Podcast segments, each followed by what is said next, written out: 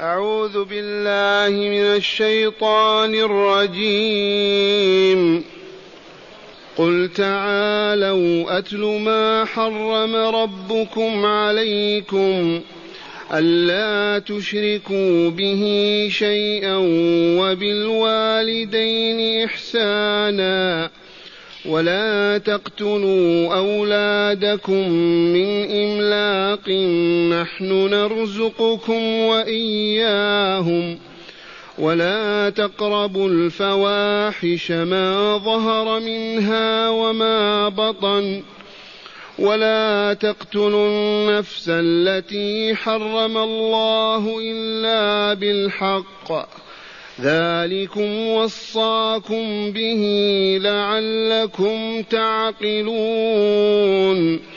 ولا تقربوا مال اليتيم إلا بالتي هي أحسن حتى يبلغ أشده. وأوفوا الكيل والميزان بالقسط. لا نكلف نفسا إلا وسعها. وإذا قلتم فاعدلوا ولو كان ذا قربى وبعهد الله أوفوا ذلكم وصاكم به لعلكم تذكرون وأن هذا صراطي مستقيما فاتبعوه ولا تتبعوا السبل فتفرق بكم عن سبيله. ذلكم وصاكم به لعلكم تتقون. معاشر المستمعين والمستمعات من المؤمنين والمؤمنات هذه عشر وصايا ربانية إلهية. أوصى الله تعالى بها عامة عباده. فهيا نحقق هذه الوصايا كما أراد الله تعالى منا. فأول خطوة أن نعرف هذه الوصايا العشر وصية بعد وصية. ثانيا نجاهد أنفسنا والشيطان حتى لا نخل بوصية من هذه الوصايا العشر. وقد عرفتم ما قال عبد الله بن مسعود رضي الله عنه فيها إذ قال من سره أن ينظر إلى وصية رسول الله صلى الله عليه وسلم التي عليها خاتمه فليقرأ الآيات الثلاث من آخر سورة الأنعام فهيا ندرسها في الكتاب.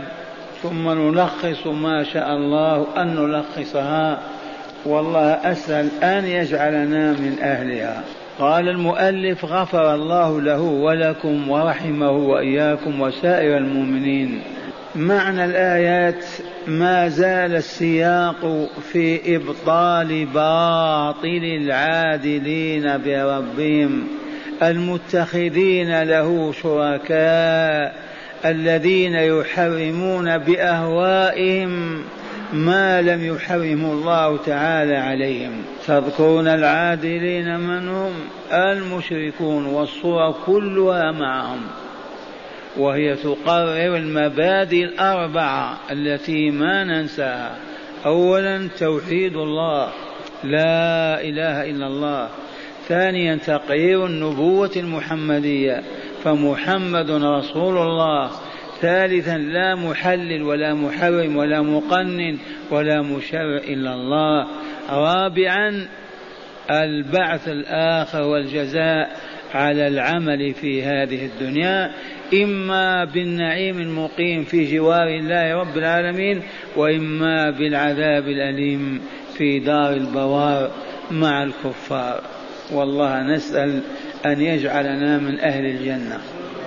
قال فقد أمر الله تعالى رسوله في هذه الآيات الثلاث وهي قوله قل تعالوا اتلوا ما حرم ربكم عليكم ألا تشركوا به. أي بالله تعالى شيئا وبالوالدين إحسانا ولا تقتلوا أولادكم من إملاق. نحن نرزقكم وإياهم ولا تقربوا الفواحش ما ظهر منها وما بطن ولا تقتلوا النفس التي حرم الله إلا بالحق. ذلكم وصاكم به لعلكم تعقلون.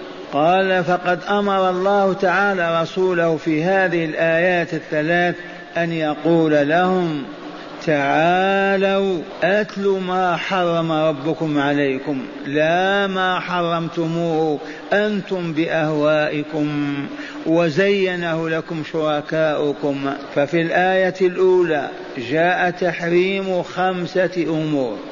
الآية الأولى التي سمعناها الآن جاء فيها تحريم ومنع خمسة أمور وهي الشرك. وعقوق الوالدين وقتل الأولاد وارتكاب الفواحش وقتل النفس. الآيات ثلاث. الآية الأولى اشتملت على خمس محرمات أو خمس وصايا.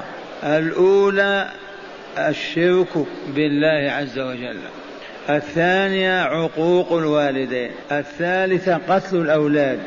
الرابعة ارتكاب الفواحش والخامسة قتل النفس البشرية. فقال تعالى قل تعالوا أتلوا ما حرم ربكم عليكم ألا تشركوا به شيئا. قال فأن هنا تفسيرية ولا ناهية وهذا أول محرم وهو الشرك بالله تعالى. وبالوالدين إحسانا وهذا أمر إذ التقدير وأحسنوا بالوالدين إحسانا.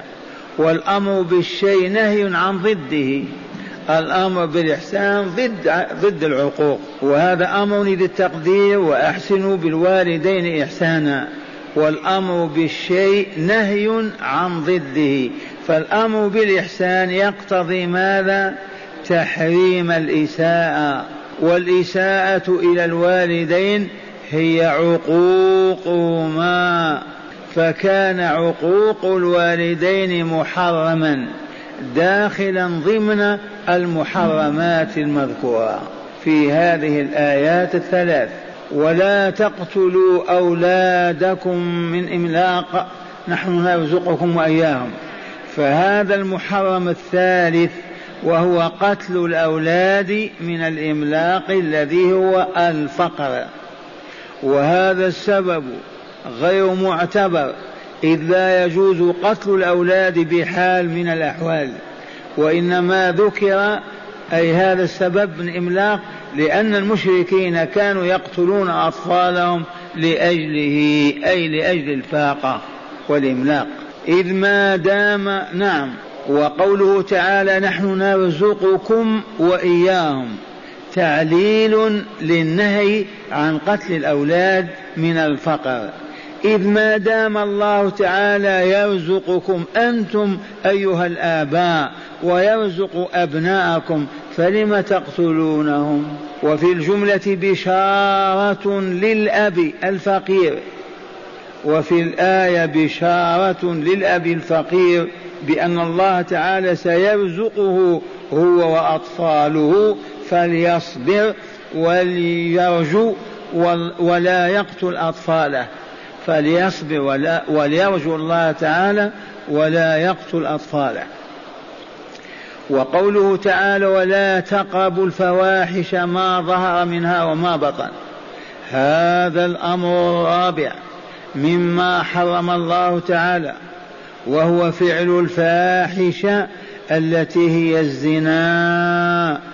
وسواء ما كان منه ظاهرا أو باطنا والتحريم شامل لكل خصله قبيحه قد اشتد قبحها وفحش. فأصبح فاحشا قولا كانت أو فعلا أو اعتقادا. وقوله تعالى ولا تقتلوا النفس التي حرم الله إلا بالحق هذا هو المحرم الخامس. وهو قتل النفس التي حرم الله قتلها وهي كل نفس ما عدا نفس المحارب فإنها مباحة القتل. والحق الذي تقتل به النفس المحرمة واحد من ثلاثة وهي القود والقصاص. فمن قتل نفسا متعمدا جاز قتله بها قصاصا. ثانيا الزنا بعد الإحصان. فمن زنى وهو محصن وجب, وجب قتله رجما بالحجارة كفارة له أي لذنوبه. والردة عن الإسلام والخروج عنه وقد بينت هذه الحقوق السنة. فقد قال صلى الله عليه وسلم في الصحيح لا يحل دم امرئ مسلم إلا بإحدى ثلاث واحدة من ثلاثة النفس بالنفس والثيب الزاني والتارك لدينه المفارق للجماعة. وقوله تعالى في ختام الآية لعلكم تعقلون أي ليعدكم بترك هذه المحرمات الخمس لأن تكونوا في عداد العقلاء. لأن من يشرك بربه صنما أو يسيء إلى أبويه أو يقتل أولاده أو يفشو بنساء الناس أو يقتلهم لا يعتبر عاقلا أبدا. لا يعتبر عاقلا أبدا إذ لو كان له عقل ما أقدم على هذه العظائم من الذنوب والآثام. لا عقل له. وفي الآية الثانية وهي قوله تعالى ولا تقربوا مال اليتيم إلا بالتي هي أحسن حتى يبلغ أشده. وأوفوا الكيل والميزان بالقسط. لا نكلف نفسا إلا وسعها. وإذا قلتم فاعدلوا ولو كان ذا قربى وبعهد الله أوفوا. ذلكم وصاكم به لعلكم تذكرون أي تتعظون. ففي هذه الآية جاء تحريم أربعة أمور. وهي أكل مال اليتيم والتطفيف في الوزن وال في الوزن والجور في الأقوال والأحكام ونكث العهد. فقوله تعالى ولا تقربوا مال اليتيم أي بما ينقصه أو يفسده. اللهم إلا بالحالة التي هي أحسن له نماء وحفظا. وقول حتى يبلغ أشده. بيان لزمن اليتم وهو من ولادته وموت والده إلى أن يبلغ زمن الأشد وهو البلوغ. والبلوغ يعرف بماذا؟ بالاحتلام أو نبات شعر العانة وفي الجارية يعرف بالحيض أو الحمل وببلوغ الثامن عشر من العمر. وعلى شرط أن يبلغ اليتيم عاقلا فإن كان غير عاقل يبقى في كفالة كافله. وقوله تعالى وأوفوا الكيل والميزان بالقسط لا نكلف نفسا إلا وسعها. هذا أمر بتوفية الكيل والوزن والأمر بالشيء نهي عن ضده. وبذا حرم بخس الكيل والوزن والتطفيف فيهما. وقوله بالقسط أي بالعدل بحيث لا يزيد ولا ينقص. وقوله لا نكلف نفسا إلا وسعها أي طاقتها رفعا للحرج عن المسلم في الكيل والوزن إذا هو نقص أو زاد بغير عمد ولا تساهل. وقوله تعالى وإذا قلتم فاعدلوا ولو كان ذا قربى. هذا المحرم الثالث. وهو قول الزور وشهادة الزور إذ الأمر بالعدل في القول ولو كان المقول له أو فيه قريبا من أقربائنا نهى عن ضده وهو الجور في القول. وقوله تعالى وبعهد الله أوفوا متضمن للمحرم الرابع وهو نكث العهد وخلف الوعد إذ الأمر بالوفاء بالعهود نهي عن نكثها وعدم الوفاء بها.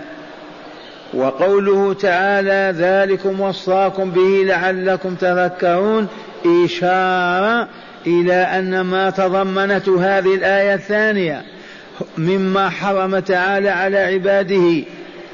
ذلكم أي المذكور في هذه الآية. وقوله لعلكم تذكرون أي ليعدكم بذلك لأن تذكروا فتتعظوا فتتجنبوا ما حرم ما حرم عليكم. وقوله تعالى وأن هذا صراطي مستقيما فاتبعوه ولا تتبعوا السبل فتفرق بكم عن سبيله. ذلكم وصاكم به لعلكم تتقون.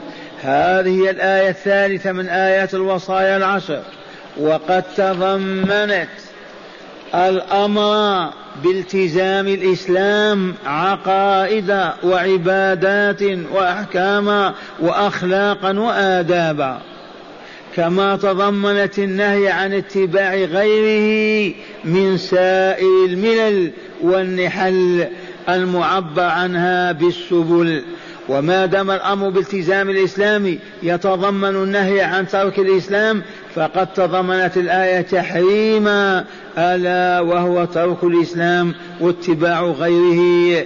هذا الذي حرم الله تعالى على عباده لا ما حرم المشركون بأهوائهم وبتزيين شركائهم لهم.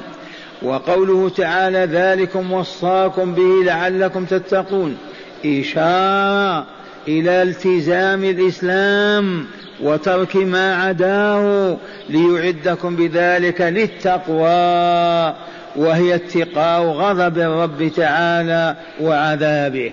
كيف حالكم إن شاء الله فاهمون؟ هداية الآيات. قال من هداية الآيات أولا هذه الوصايا العشر. عليها مدار الإسلام. وسعادة الإنسان في الدارين.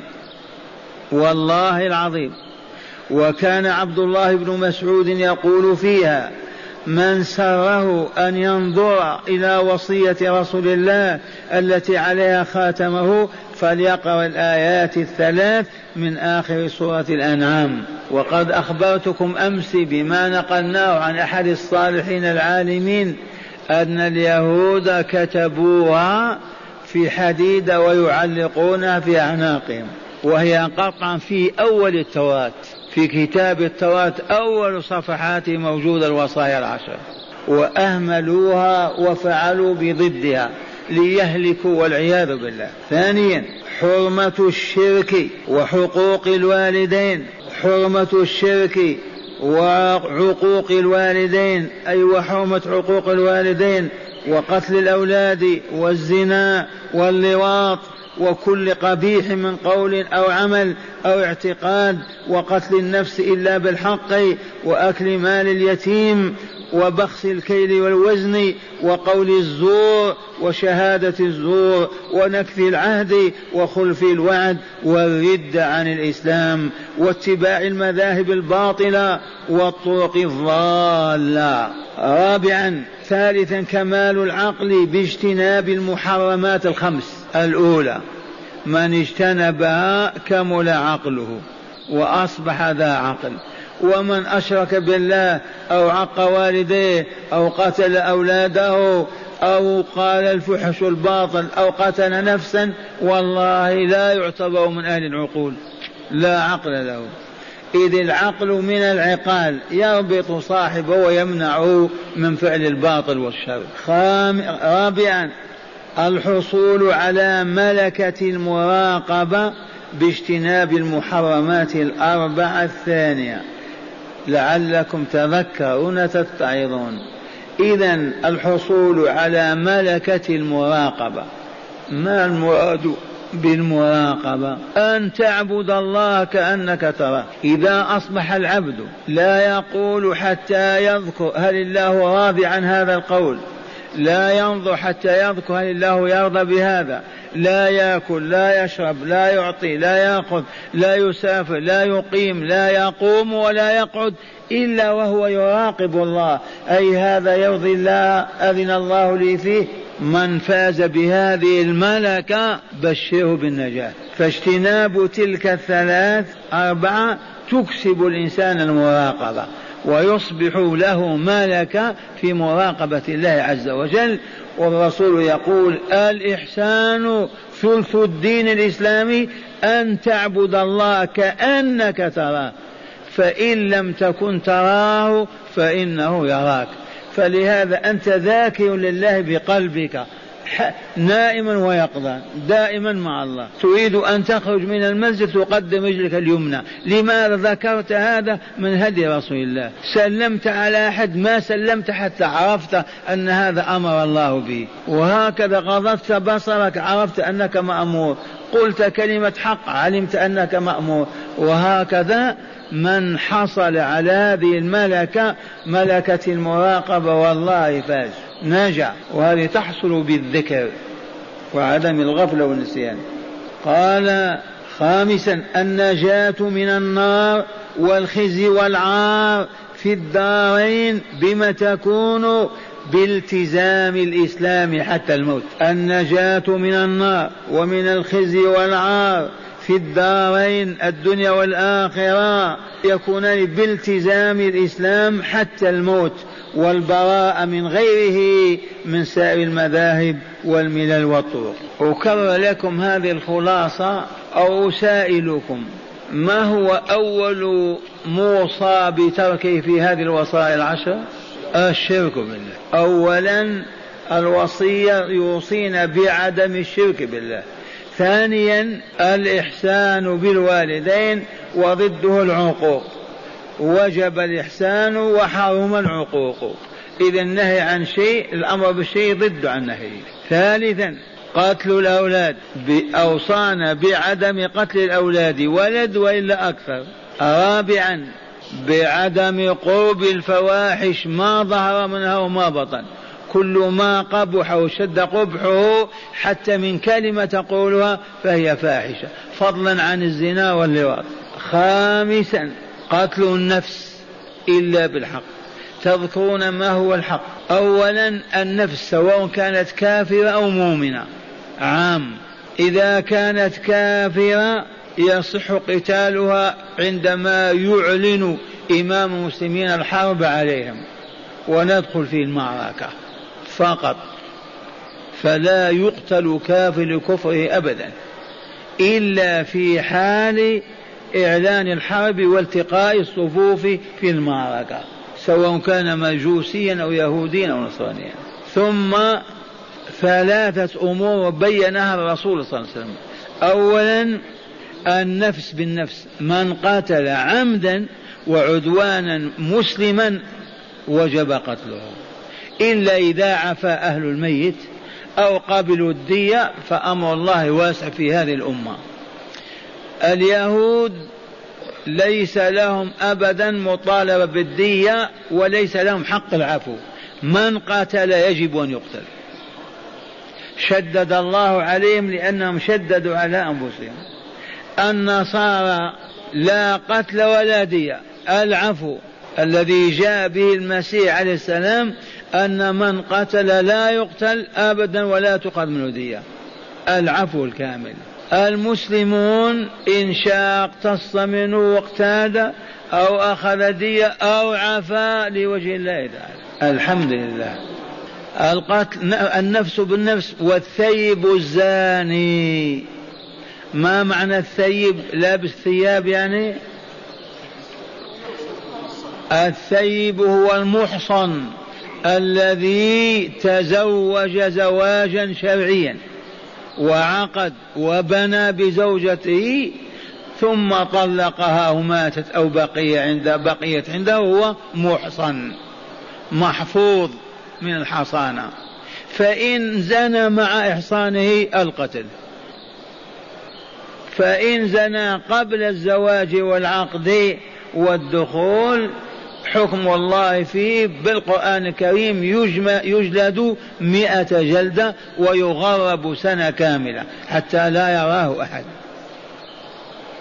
من المدينة يغرب إلى إلى الرياض.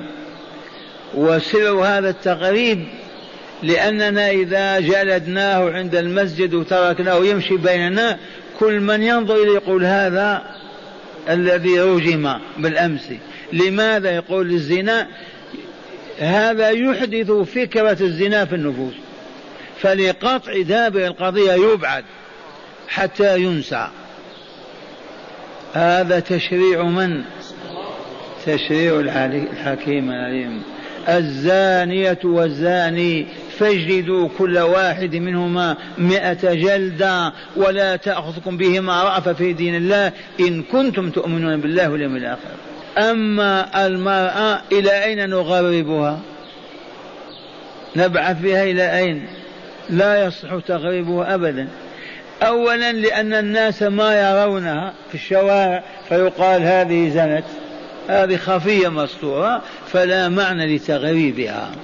الذي يغرب هو الرجل الذكر حتى لا يذكر الناس برؤيته الفاحشة. الثيب الزاني والثالث المرتد عن الإسلام. كل من ارتد عن الإسلام وانتكس وعاد إلى اليهودية أو النصرانية أو المجوسية أو إلى الشرك يستتاب فإن تاب وإلا قتل. واستتابة ثلاث أيام. محبوس. يعرض عليه الإيمان الإسلام. ترجع إلى دينك. قوم توضأ وصلي فإن أصر على ردته يقتل. إلى النار.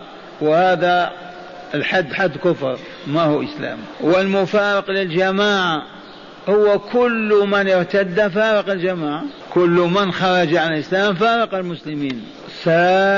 سادسا عدم أكل مال اليتيم.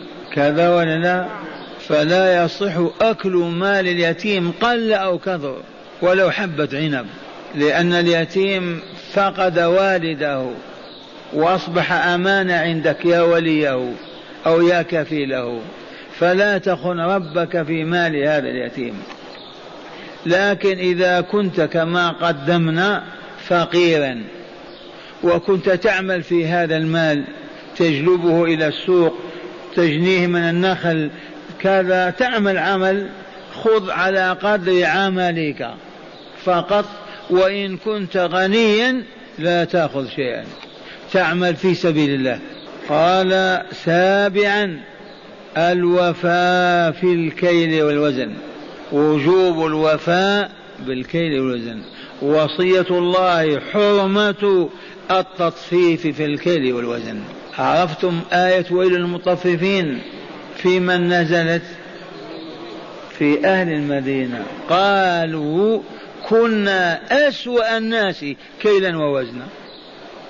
حتى نزلت هذه الصورة في المدينة. ويل للمطففين أصبحنا أعدل الناس كيلا ووزنا. ووالله لكذلك ثامنا الوصية بالعدل في القول والحكم لأن القول الحكم والشهادة.